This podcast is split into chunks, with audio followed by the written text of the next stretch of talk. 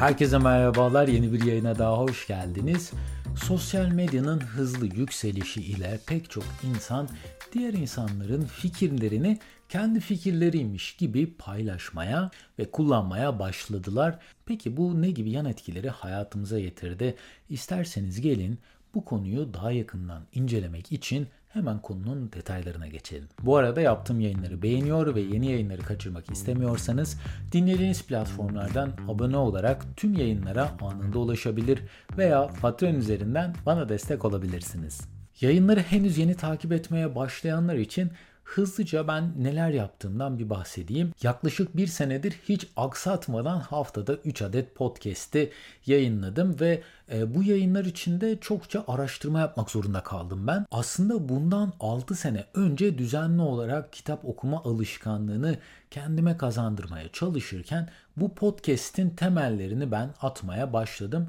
E, hatta o zamanlar bunun farkına dahil değilmişim. 6 yıl önce düzenli kitap okuma hedefim için elime aldığım İlk kitap The Power of Habits'ti yani alışkanlıkların gücüydü ve okuduğum bence en güzel kitaplardan bir tanesi de buydu. Ben bu kitabı Bill Gates'in bir konuşmasında da duymuştum, bahsetmişti ve ardından da kitap kurdu olan e, Warren Buffett var. Warren Buffett'ın işte diğer insanlar var böyle Elon Musk'lar, Jeff Bezos'lar bunlar bu kişiler hangi kitapları okuduklarını paylaşıyorlar sürekli olarak ve ben de bu kişilerin ortak olarak e, tavsiye ettiği kitapları buldum, araştırdım. Bu kitapların e, hakkında yazılmış yorumları okudum.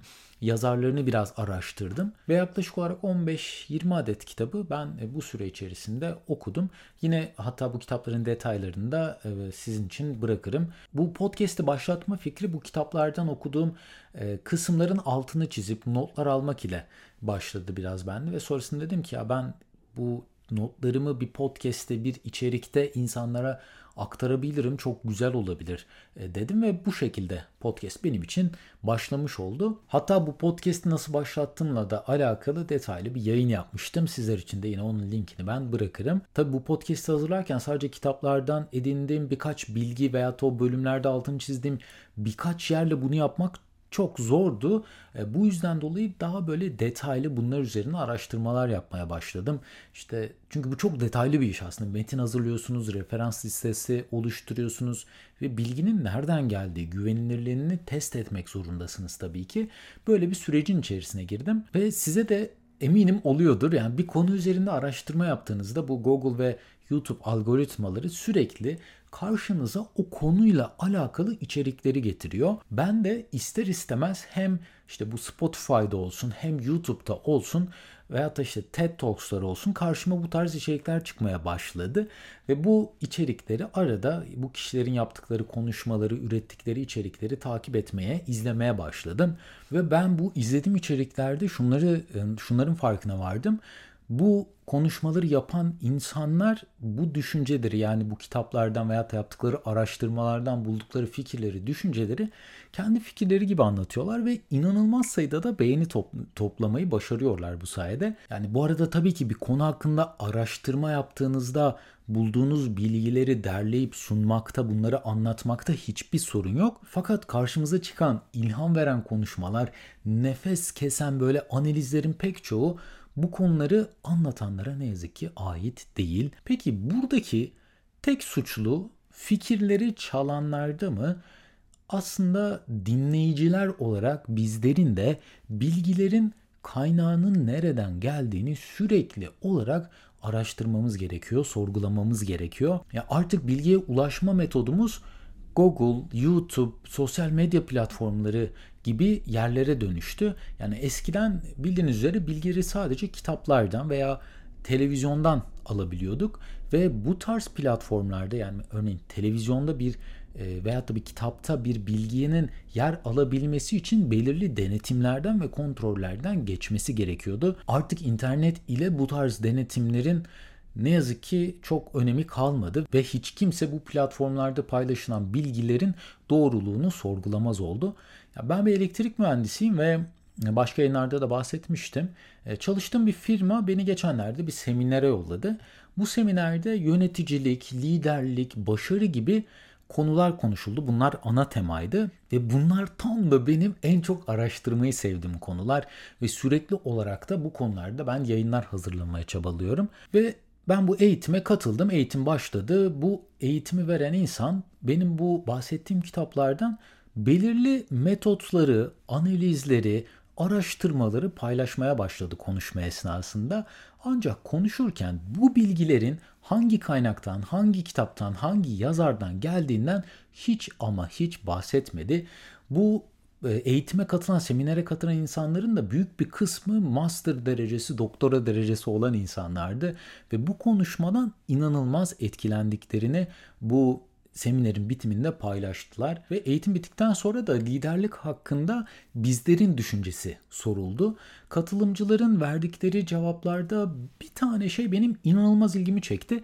Herkesin atıfta bulunduğu hikayeler internet üzerinde dolaşan birkaç motivasyon konuşmasının, işte sosyal medya paylaşımının ve hatta izledikleri bir tane TED Talks'un içeriğine dayanıyordu. Ya hiç kimse okuduğum bir kitapta şundan bahsediyordu gibi bir şey demedi. Artık araştırma yapmak için direkt olarak internete başvuruyoruz ve cidden bu harika bir şey.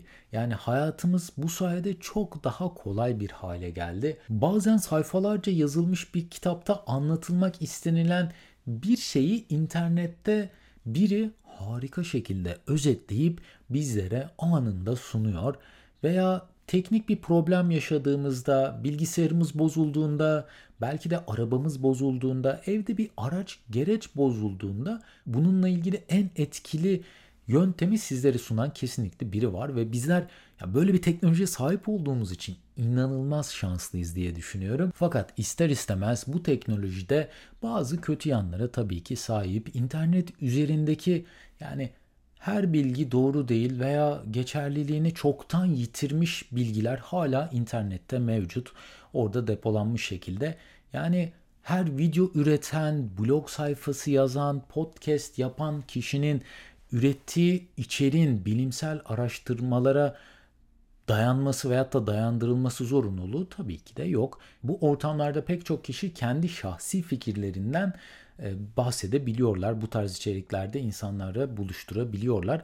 Ama bazen istemsiz de olsa bu paylaşım metotları yanlış bilgilendirmelere de e, sebep olabiliyor. Yani örneğin ben şu metodu denedim ben de çalıştı, sizde de çalışır demek çok riskli bir yaklaşım. Çünkü benim sahip olduğum fiziksel koşullar, yetiştiğim ortam, ailem, eğitim durumum, psikolojik durumum, maddi durumum, ilişkilerim ile yani bütün bu değişkenler ile beni dinleyen birinin, takip eden birinin sahip olduğu bu değişkenlerin aynı olması ne yazık ki mümkün değil. Bu yüzden kişisel bakış açısı içeren içerikleri bir kaynak olarak kullanmak pek de doğru bir yaklaşım olmayacaktır. Ben sürekli olarak iz bırakmış insanlardan bahsediyorum ve Steve Jobs'ın e, hayatını kaybetmeden önce bir üniversitede, Stanford Üniversitesi'nde yaptığı bir konuşma var, mezuniyet konuşması.